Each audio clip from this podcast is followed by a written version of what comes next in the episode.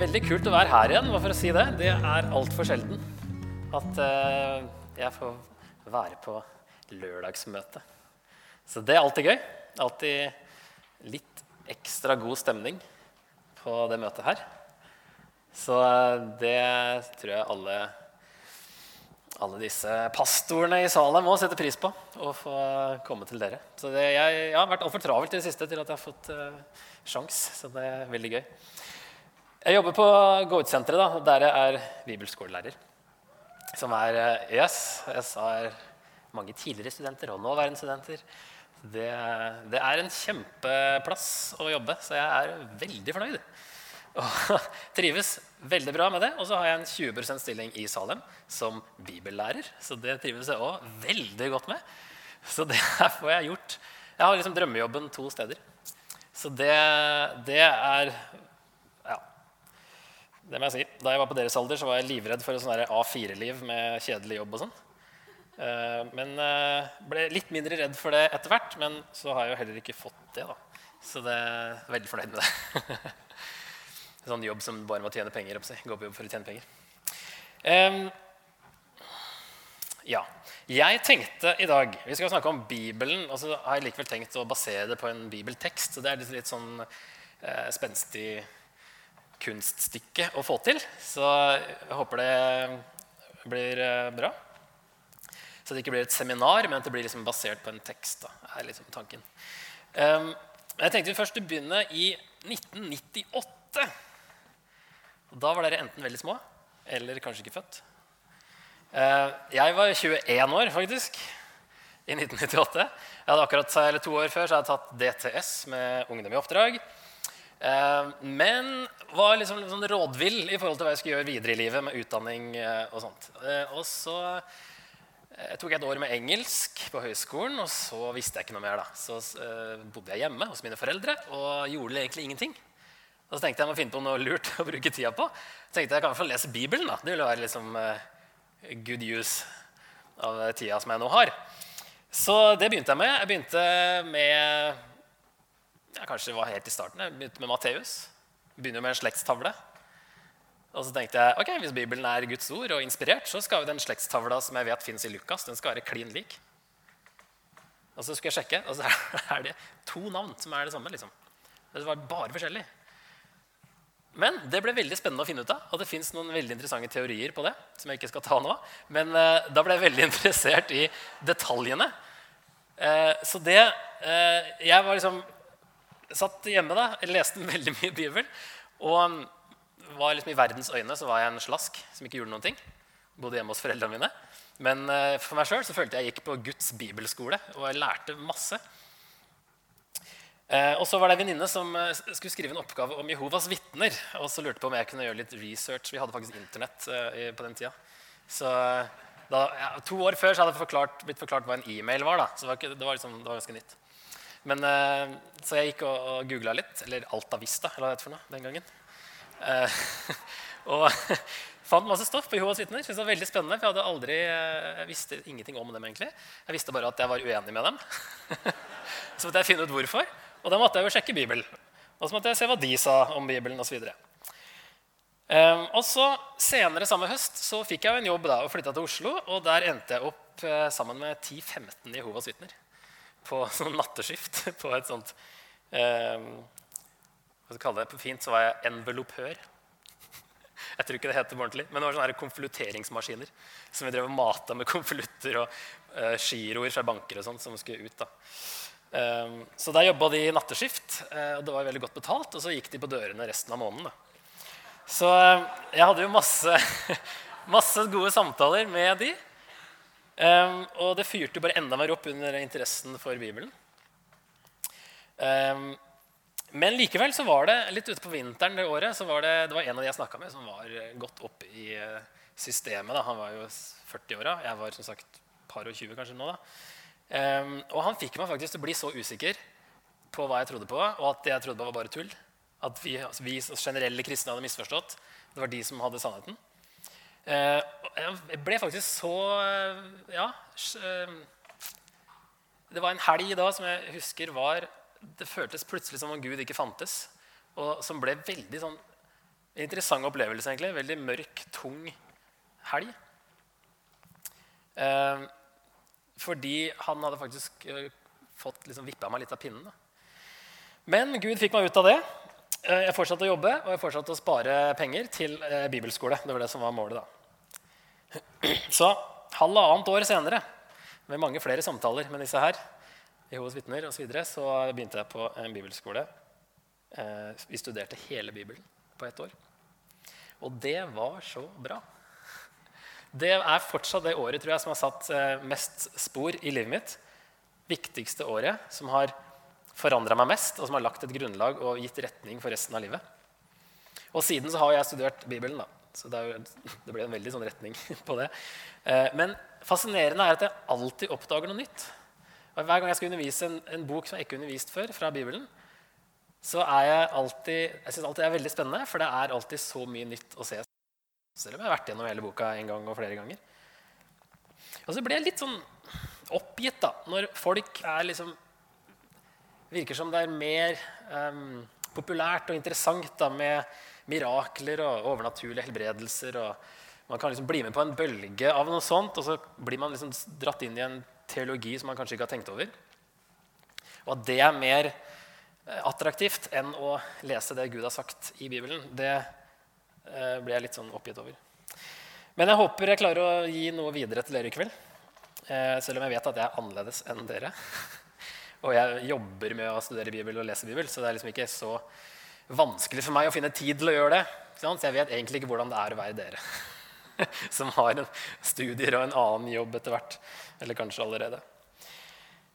Jeg tenkte jeg skulle bruke andre Timoteus-brev. og Det er da Paulus sitt siste brev, som han skriver til Timoteus, som er en som har kjent han, eh, kjente Paulus veldig godt, og som var med Paulus på to av misjonsreisene og skrev flere av brevene sammen med Paulus. Og I det brevet her så vet Paulus at han snart skal dø. Han sier da at nå går det mot slutten. Eh, så det er, ikke, det er kanskje Paulus' nest siste ord til Timoteus. Fordi han eh, ber Timoteus komme på besøk. Da. Så det er liksom ikke sånn farewell for good, men det er liksom noe siste han skriver i hvert fall til Timoteus. Og han skriver for å oppmuntre Timoteus i å holde ut. Han står midt oppe i masse vranglærere i Efesus og oppmuntrer oppmuntrer til å holde ut, eh, holde fast på det han har blitt opplært i, og å gi evangeliet videre til mennesker som kan være med og gi det videre igjen til neste. Nå som Paulus snart skal dø, så vil han bare forsikre seg om eller minne om at det må ikke stoppe nå, det må gis videre hele tida. Eh, og så sammenligner han disse vranglærerne med Timoteus. Går liksom fram og tilbake mellom de i, eh, i andre Timoteus' brev. Da. Så jeg tenkte å begynne litt før selve teksten. Så fra, I kapittel 3, vers 10 skal vi komme der. så eh, har han snakka først nå om ranglærerne og disse falske lærerne. Og eh, mennesker generelt som, er, eh, som, ikke følger Gud. Og så kommer Timoteus da som en kontrast. Men du har fulgt meg i lære og livsførsel, i holdning, tro, tålmodighet, kjærlighet, utholdenhet og i forfølgelser og lidelser, slikt som jeg ble utsatt for i Antiokia, Ikonium og Lystra. Hvor mange forfølgelser jeg enn har måttet tåle, har Herren reddet meg ut av dem alle. Alle som vil leve et gudfryktig liv i Kristus Jesus, skal bli forfulgt. Men onde mennesker og svindlere vil gå fra vondt til verre. De fører vill og blir selv ført vill. Så veksler han over igjen til vranglærerne her. Og så kommer det enda en kontrast i selve teksten da, som vi skal se på. Enda en sånn 'men du'. Vranglæreren de fører vill, men du, Timoteus, skal holde fast på det du har lært og er blitt overbevist om. Du vet jo hvem du har lært det av.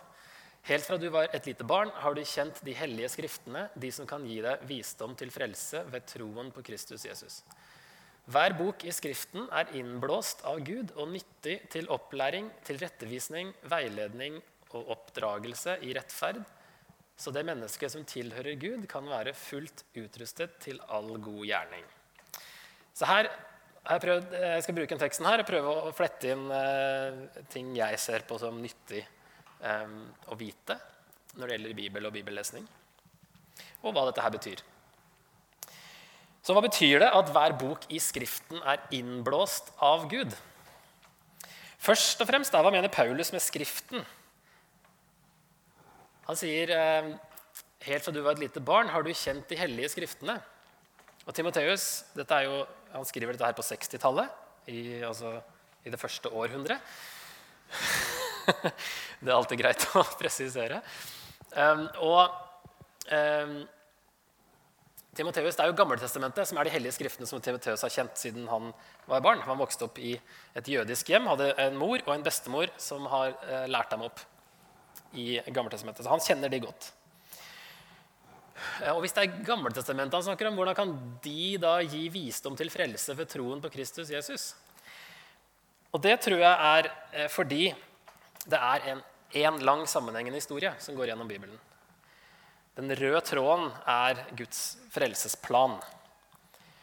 Og Hvis dere har eh, fulgt, eh, sett disse videoene til The Bible Project, jeg vet mange av dere har det, så har jo de et motto, eller sånn eh, slagord, eller visjon, som de sier at we, uh, we believe that the Bible is one unified story which leads to Jesus. Så det er, det er akkurat det den er. Det er en sammenhengende uh, historie. Det er egentlig en genial sammenhengende historie. Hvor alt henger sammen på en sånn finurlig måte. Og poenget og klimakset er Jesus til alle folkeslag. Så alt i Gammeltestamentet peker fram mot Jesus. Det sa Jesus sjøl også i slutten av Lukas. Sier han til disiplene. Det var dette jeg talte om da jeg ennå var sammen med dere og sa at alt måtte oppfylles som står skrevet om meg i Moseloven, hos profetene og i salmene. Som egentlig er eh, jødisk måte å si Det gamle testamentet på. Alt eh, som da, Jesus oppfylte alt som, som eh, Gammeltestamentet Alt det som pekte fram mot han da. Og hele historien gjør egentlig det. Så det som er med i Gammeltestamentet, det er med fordi det har med Jesus å gjøre. Og Det begynner liksom for alvor når Abraham da, i 1. Mosebok 12 han blir kalt av Gud til å dra bort fra landet ditt og fra slekten din og fra farshuset ditt til det landet som jeg skal vise deg. Jeg vil gjøre deg til et stort folk. Jeg vil velsigne deg, gjøre navnet ditt stort. Du skal bli til velsignelse. Det er jo altså at Israel, folket, kommer jo fra Abraham. Jeg vil velsigne dem som velsigner deg, men den som forbanner deg, skal jeg forbanne. I deg skal alle slekter på jorden velsignes. Og det er jo den velsignelsen der som, som er troen på Jesus, som skal ut til alle folkeslag. Det begynner allerede i 1. Mosebok 12, i 12. kapittelet av Bibelen. Og så er det det som er hele historien, som leder fram mot Jesus. Så alt dreier seg egentlig om Jesus.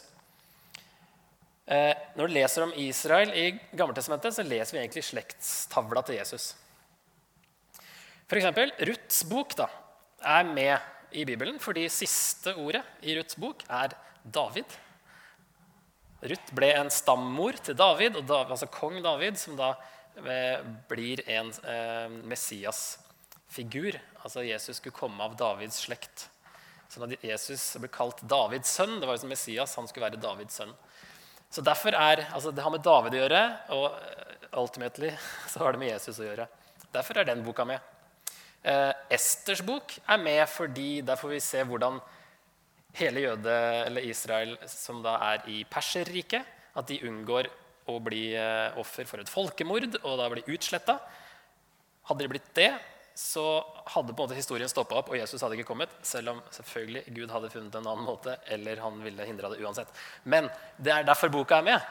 For å, å vise hvordan de ikke ble eh, utsletta, sånn at Messias kunne komme. Nå nevnte jeg to kvinnelige bøker si, i Bibelen, bare for å være sånn grei. Ruth og Ester. Ok. Ja. Så det peker fram på Jesus, og så har det fortsatt, likevel en åpen slutt. Så det er massevis av løfter som blir hengende i lufta om, eh, om Messias og frelse og Guds rike. Og så er det liksom Det er ikke noen avslutning før Nytestamentet kommer, og du får oppfyllelsen og forklaringen i, eh, i, Jesus da, og i brevene som skrives, og forklarer hva det betyr. Så Derfor kan Gammeltestamentet lede oss til Jesus. Jesus dukka ikke opp fra ingenting. Og Kristendommen er ikke noe som plutselig oppstår i det første århundret, men det er altså en fortsettelse og en oppfyllelse på jødedommen og Gamletestamentet. Så ved å lese Gammeltestamentet så får du en, en forventning om Jesus. Og det er egentlig umulig å forstå hvem Jesus er uten Gamletestamentet. Og du ser i Lukas, første kapittel av Lukas, når det, når det begynner der så smått eh, med, altså Før Jesus ble født, så ser du flere som eh, eh, i de første to kapitlene som ser at det her er oppfyllelsen på, på det som har blitt lovt gjennom alle disse århundrene i Gamle testamentet.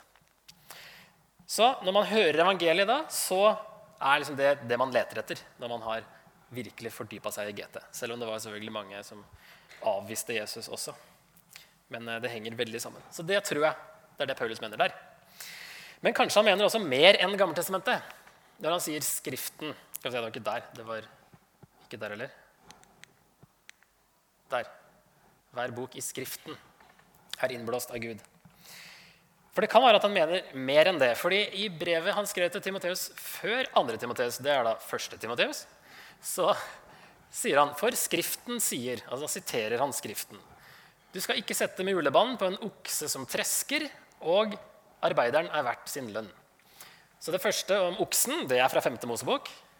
Men den andre, arbeideren er sin lønn verdt, det finner du bare og helt ordrett i Lukas 10. Og etter alt å dømme da, så kaller Paulus Lukas evangeliet for Skriften allerede på 60-tallet her.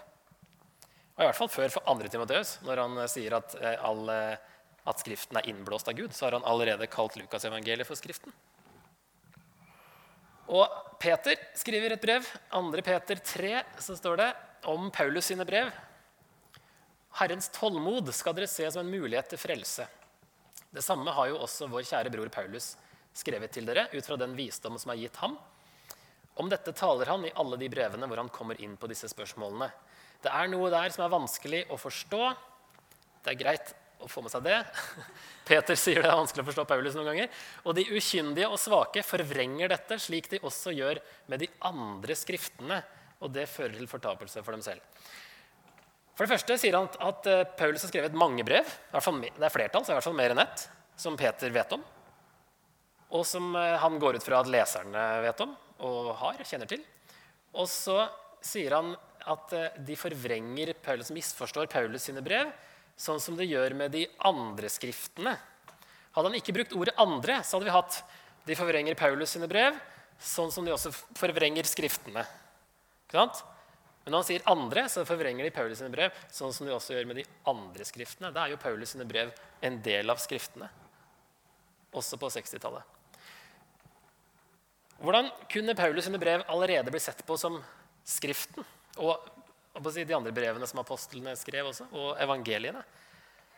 For det er det det ser ut som. At det var en sånn gradvis utvidelse av det som ble kalt for Skriften. For Apostlene de var veldig klar over autoriteten de hadde fått fra Jesus. Spesielt Paulus lar det komme ut veldig ofte. at han, Det han skriver, det er på linje med Guds ord. Og eh, han er ikke i tvil over den eh, autoriteten han har fått av Jesus.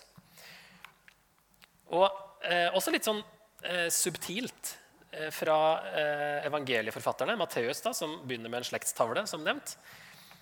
Eh, I det jødiske Gammeltestamentet så er krønikebøkene de siste bøkene.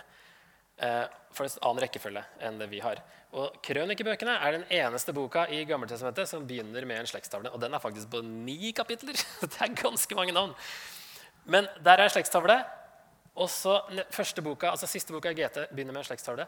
Første boka i NT begynner med en slektstavle.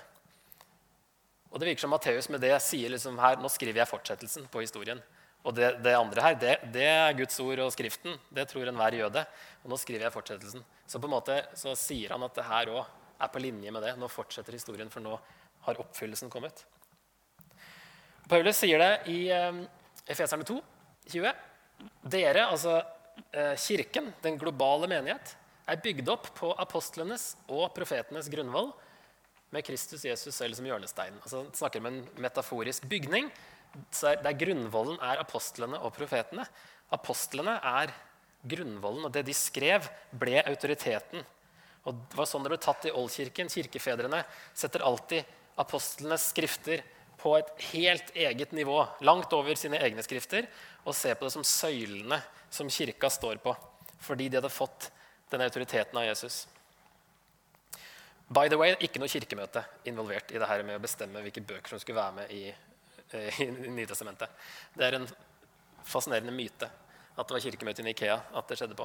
Det var en veldig gradvis prosess. Det var egentlig en veldig naturlig prosess ved at apostlene, det de skrev, ble etter hvert tatt eh, som Skriften.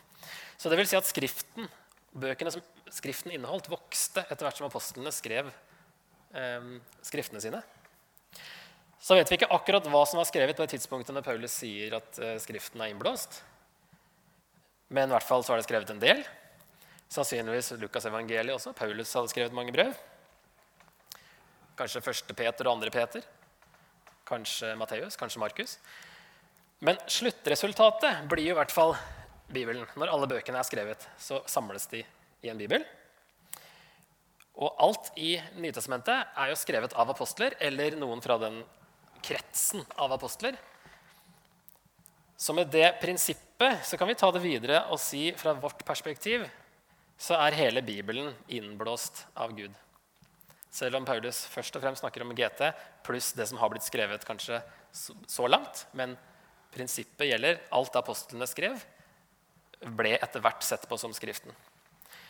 Og Da blir det enda tydeligere at Bibelen gir visdom til frelse ved troen på Jesus. når vi kan ta med litt nytestamentlige skrifter. Så ved å lese Bibelen så skapes det tro. Så Bibelen er nok fortsatt det mest effektive verktøyet i å få folk til å tro. Den klarer det sjøl. Ok, hva betyr innblåst? Andre oversettelser står det 'innåndet'. I engelske så sto det skal vi se, 'God breathed'. står det her. Vers 16. Andre engelske har 'breathed out by God'. Og så er det noen som har 'inspired'. Det er jo bare det latinske ordet for det greske, som er rett oversatt 'gudblåst'. Alle skriftene er gudblåst. Og så er det liksom, er jeg blåst ut eller er det blåst inn? det er litt sånn tolkning. Men inspirert er jo det samme. Um, og Det virker som det er Paulus sin måte å si det samme som Jesus sa, at, at uh, skriftene, altså GT da, for Jesus, Gammeltestamentet, er Guds ord. Fordi det er en naturlig sammenheng mellom ord og blåse, eller pust, som det ordet også kan bety. Det er ganske vanskelig å snakke uten å puste. I Norge og Sverige og sånn, så har vi den derre ja, innover. Men det er likevel pust involvert, selv om det ikke går utover. Men er, ja, bare prøv å snakke uten å, uten å, slippe ut noe luft. Det er veldig vanskelig. Og så er det også en sammenheng i Bibelen mellom pust og ånd. Altså På norsk kan vi si pust og ånde. Men det er, det er samme ordet på gresk og på hebraisk. Så når Gud blåser Han blåser et par andre steder òg, eller mange steder, men eh, noen kjente steder, er i hvert fall i første Mosebok 2, når han har skapt Adam, og så blåser han liv inn i Adam. Og på pinsedag i Apostelens gjerninger 2, før eh, Den hellige ånd kommer ned, så står det at eh, plutselig lød det fra himmelen som når en kraftig vind blåser. Så der har du vind og ånd eh, sammenkobla. Og Jesus i Johannes 3 til Nikodemus, hvis dere kjenner til husker den historien, så sier Jesus eh, vinden blåser dit den vil, og sånn er det også med den som er av, født av ånden. Men så er det et ordspill der på gresk, for det kan også leses som at ånden blåser dit den vil. Så vind og ånd er det samme. Pust, vind, ånd. Samme ord, egentlig. Så I Bibelen så er det alvor når Gud puster. Da, eller Gud puster, da skjer det store ting. Fordi det er Hans ånd som eh, blir pusta. Så Guds ånd er i Bibelen, og han blåser liv i ordene. Så på en måte så blir det da egentlig hans egne ord også. Men på hvilken måte da er menneskers ord i Bibelen også Guds ord? Det er jo mange teorier på det, såkalte inspirasjonsteorier. Paulus forklarer jo ikke det her. Det er ikke poenget hans heller. forklare hvordan det har skjedd. Timoteus er jo enig i at eh, Skriften er innblåst av Gud. Eh, så poenget til Paulus er ikke prosessen, men det er resultatet. At Guds ånd er i Skriften. Så han snakker om skrift, altså Skriftens funksjon fordi den inneholder Guds ånd. Vi kan henge oss opp i liksom hvordan det skjedde. Men eh, poenget er at det er sånn. På en eller annen måte så ble det sånn Gud ville ha det. Selv om de bruker forskjellig vokabular, de forskjellige forfatterne, og det er tydelig at de setter sitt preg på det de skriver, så er det likevel Gud, um, det er sånn Gud ville ha det. Så at Bibelen virker på oss da, når vi leser, fordi Gud har blåst sin ånd inn i det disse menneskene skrev. Og hvis vi virkelig tror at Bibelen på denne måten er Guds ord, vil vi ikke da lese den? Så hvordan virker Gud gjennom Bibelen? For vi hører sånn At den er inspirert, og at Bibelen taler til oss, og at den er levende, så høres det ut som at teksten liksom spretter ut og treffer oss hver gang. Som en uh, knyttneve, si. Eller uh, at vi får en spesiell opplevelse eller uh, følelse. og det kan jo skje. Jeg hadde en kompis som var gangster. Tro det eller ei. Jeg har mange rare kompiser som er veldig forskjellige fra meg. Han hadde kommet til noe klammeri med Bandidos og rømte til Finland. Der han begynte å lese Bibelen. Han hadde vokst opp i kristent hjem, men trodde liksom at Gud så mellom fingra på det han drev med. Og så begynte han å lese Bibelen og skjønte at det var absolutt ikke tilfellet. Og han eh, sendte en melding til meg da på det tidspunktet her og sa liksom at eh, han leste Bibelen og følte liksom det forandra han ved å lese den. Og så sa jeg at ja, Bibelen kan forandre deg hvis du lar den. Sa jeg da. Og så skrev han eh, noen uker senere For en forandring de fire ordene gjorde. Hvis du lar den. Det å være åpen fra Bibelen kan forandre deg. Det, det gjorde en kjempeforandring i hans liv.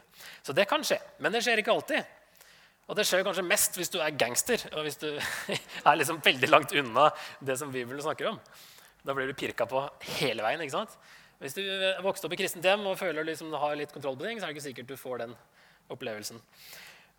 Og så er det ikke sikkert at alt Eller egentlig så bør ikke alt eh, og kan ikke alt leses direkte til oss.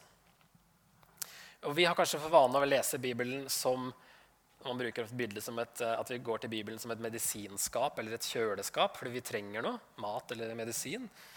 Eller som en eh, perledykker. At vi skummer gjennom teksten for å finne liksom en, et vers som er en perle som vi streker under. Og liksom Det er bra. Eh, og da kan det hende du finner veldig mange sånne vers i siste del av Jesaja, og kanskje ikke så mange i første del av Jesaja, og så går du glipp av veldig mye hvis du bare leser på den måten. Det er, eh, det er selvfølgelig bra, alt det her, det, altså det, det, er mye bra i det, men du går glipp av så mye. Hvis du leser på et annet nivå, hvis du leser det for å forstå mer av Gud, det er hans åpenbaring av seg sjøl og hans plan for verden, og hva vår rolle i hans plan kan være, så er det ikke sikkert det taler til oss på samme måte. Men vi kan da snakke om to typer anvendelse av Bibelen. Da. Det er en sånn korrigerende, der vi føler at oi, dette må jeg endre på livet mitt. Dette, da, å, den kjente jeg stakk. Eh, det er sånn her og nå. Eh, men så er det også mer sånn langsiktig, som man kan kalle for konstruktiv, eller byggende, som det ordet egentlig betyr som eh, handler om å forme oss mer over tid og legge et grunnlag for resten av livet. Gjøre oss forberedt på situasjoner vi kan komme opp i mange år fram i tid. Som ikke treffer oss nå, men som vi kanskje kan komme opp i eh, langt fram i tid. Så det fører ikke til endring her og nå, og ikke noen stor åndelig opplevelse heller. Men uh, uansett så legges det et godt og viktig grunnlag. Så når vi leser Bibelen, spesielt Gammeltestamentet, så er det ikke um, kanskje først og fremst for å finne moralske poeng i historiene. Eh, for det første så går ikke Gud god for alt de folka gjør, heller. Eh, og det fortelles ofte bare historie. Sånn skjedde det. Og så det, liksom, lar det være litt opp til leseren å tolke, fordi forfatteren antar at du er kjent med Moseloven, så du vet at det her var ikke riktig. Så det står veldig sjelden at uh, dette var synd eller dette var galt. En av de få gangene det nevnes, er David og Batseba-episoden. Så prøver David å glatte over det og sier liksom, ikke tenk på det her, sier han til han eh, generalen sin. Dette går bra. Han har fått drept altså mannen til Batseba. ikke sant? Den historien der. David på sitt verste. Som egentlig er en veldig bra fyr. Men han òg er ikke noe helt, egentlig. ikke sant? Um, og så står det da til slutt der Men det David hadde gjort, var ondt i Herrens øyne. Så da får du liksom, ok, La det ikke være noen tvil her. Da sies det tydelig, men ellers så, så nevnes det ikke så ofte. Så det kan være litt uh, vanskelig å finne moralske poeng av og til. Og heltehistorier, da, hvis David er jo en stor helt, sånn sett, men egentlig så er det Gud som er helten. Så det er egentlig ingen som er en ordentlig helt i Bibelen. Fordi det handler om Gud og ikke om menneskene. Men mest av alt så har vi eh, kanskje hørt at Bibelen er eh, Guds kjærlighetsbrev til oss. Eh, og da kan du òg støte på problemer fort, i Gammeltestamentet spesielt. Hvis du forventer å finne at dette er Guds kjærlighetsbrev. Eh, det stemmer jo at hele historien er Guds kjærlighetsbrev til oss, med at han elsker oss og kommer med frelse. Eneste som kan frelse oss. Men enkelthistoriene er kanskje ikke helt sånn kjærlighetsbrev. Føles ikke sånn i hvert fall. Og da hopper vi over mye. Og så ignorerer vi, kanskje ubevisst, sider av Guds karakter som vi da ikke skjønner eller ikke vil lese om. Og så ender vi opp med en Gud som vi har lagd, på en måte, Som vi vil ha han. Som regel er det en Gud som er bare kjærlighet. Eh, og det står det jo i Bibelen. Gud er kjærlighet, står det men så, i 1. Johannes brev. Men det står òg i 1. Johannes brev Gud er lys. Og den metaforen lys, det er at Gud er hellig. Det står i samme brev. Gud er kjærlighet, men han er også hellig. Så de to de er ikke sånn at kjærlighet er øverst og så alt det andre under. Men vi må ta med alt det Bibelen sier om Gud. David og Goliat er en sånn historie som eh, trekkes fram da, i det her for å gi et poeng. At vi liksom prøver å, å, skulle anvende den historien i vårt liv. Liksom, hva er uh, steinene du har i din sekk som du kan liksom, overvinne kjempene i ditt liv med? og sånne ting. Så er egentlig poenget at du er ikke David. Det handler ikke om deg, det handler om Jesus. David pekte fram mot Jesus. Og det er Gud, altså det, det er vi, ja, Bibelen handler ikke om oss. Bibelen handler, Bibelen handler om Jesus. Og Da ser vi ting i større perspektiv hvis vi leser på den måten. For eksempel, så forteller Gud bare to-tre ganger i løpet av 4000 år hvem noen skal gifte seg med. Så Hvis du går rundt og venter på at Gud skal fortelle deg hvem du skal gifte deg med, så gjør han det ekstremt sjelden. Han sa det til Adam, han hadde ikke så mange å velge mellom. Og han sa til Hosea, profeten Hosea som skulle gifte seg med en prostituert. Så det er liksom ekstreme tilfeller. Så det, jeg tror han lar det være mest opp til oss. altså. Så Bibelen, eh, Hver bok i Skriften er innblåst og nyttig. Sier Paulus hva den er nyttig til. Opplæring, tilrettevisning, veiledning og oppdragelse. Når begynte jeg egentlig? Jeg tror jeg må begynne å avslutte. må jeg ikke det? ja, du må det. Ja, ok. da gjør vi det. Paulus er veldig opptatt av lære og opplæring i disse brevene til Timoteus. Han skulle jo stå imot vranglærerne og trengte Bibelen for å gi sunn teologisk opplæring til eh, menigheten i Efesus. Så Bibelen gir oss da selvfølgelig den rette lære. Eh, jeg personlig har opplevd eh, å få eh, en veldig trygghet i troen og egen frelse og identitet i Gud ved å bruke så mye tid i Bibelen som jeg har gjort. Frihet, aksept, det å være meg sjøl og ha min egen uttrykksform for hvordan jeg tror. Og blitt bedre kjent med Gud, da, siden det er en bok om han. Og det blir lettere, det, meg, jeg merka at det blir lettere å ta avgjørelser. Kommer dere allerede, ja? Ok. Da, da får jeg snakke fort. Det er greit. Jeg tar det som et hint her at nå er det på tide. Yes.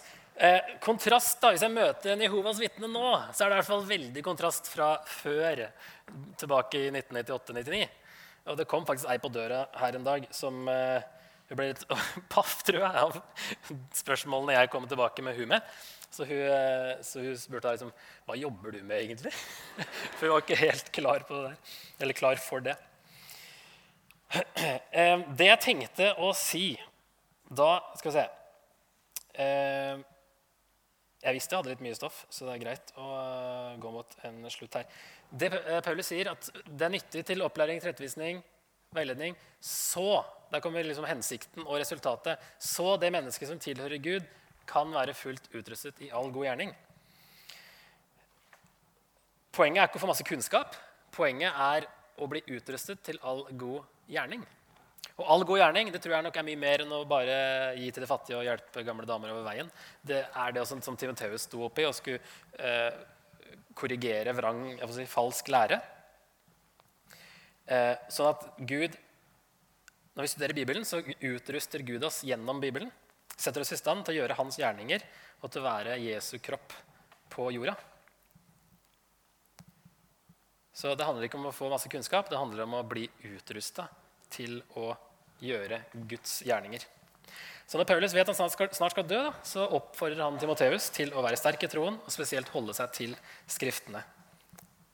Og at Gud virker gjennom dem, sånn at Timoteus kunne være fullt utrusta til oppgavene som han eh, sto oppi, selv om Paulus da ikke skulle være der så mye lenger. Vi må ha litt sånn avslutning på hvordan dette er relevant for oss. da. Sant? Ja. Altså, jeg må si at Det er ikke alle som liker å lese og studere. og Dere har sikkert sittet på skolen og studert hele dagen, og så er det ikke så fristende å liksom begynne å bla i Bibelen kanskje, og lese enda mer. Eh, og så må bare få sagt det som også Asgeir var inne på i starten. Du blir ikke mer kristen av å lese masse i Bibelen. Gud liker deg ikke noe bedre om du gjør det. Du er frelst uansett hvis du tror på Jesus.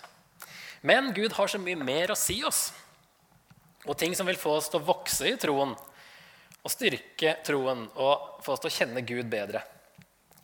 Så det blir sannsynligvis en mer moden kristen av å lese. Men du trenger kanskje å lese hele tida heller. Du kan kanskje høre på podkaster som har, eh, der en tale eh, forklarer en bibeltekst. Det er jo en mulighet. Eller undervisning som, som forklarer Bibelen.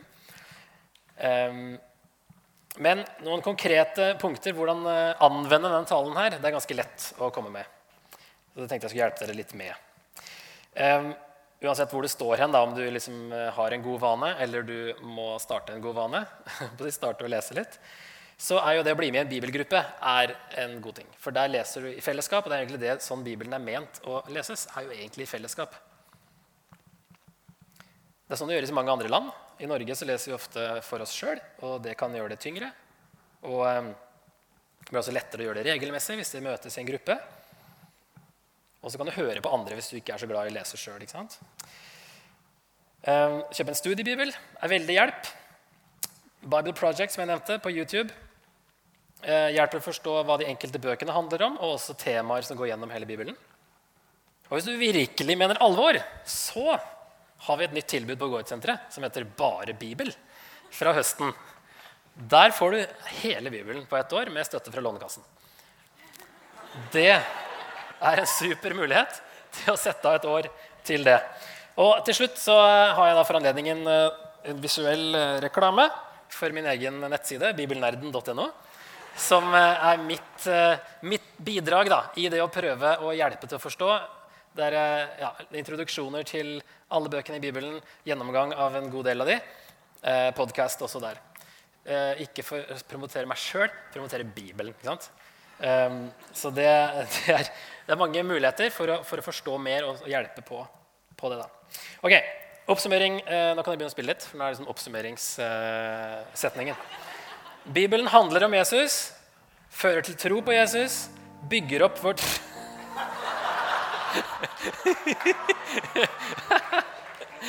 Dette må jeg prøve mer. Det var gøy. Bygger opp vår tro på Jesus og setter oss i stand til å være Jesu kropp i verden. Derfor er Bibelen verdens mest solgte bok gjennom tidene. For når Gud gir ut en bok, så blir det selvfølgelig en bestselger. Yes!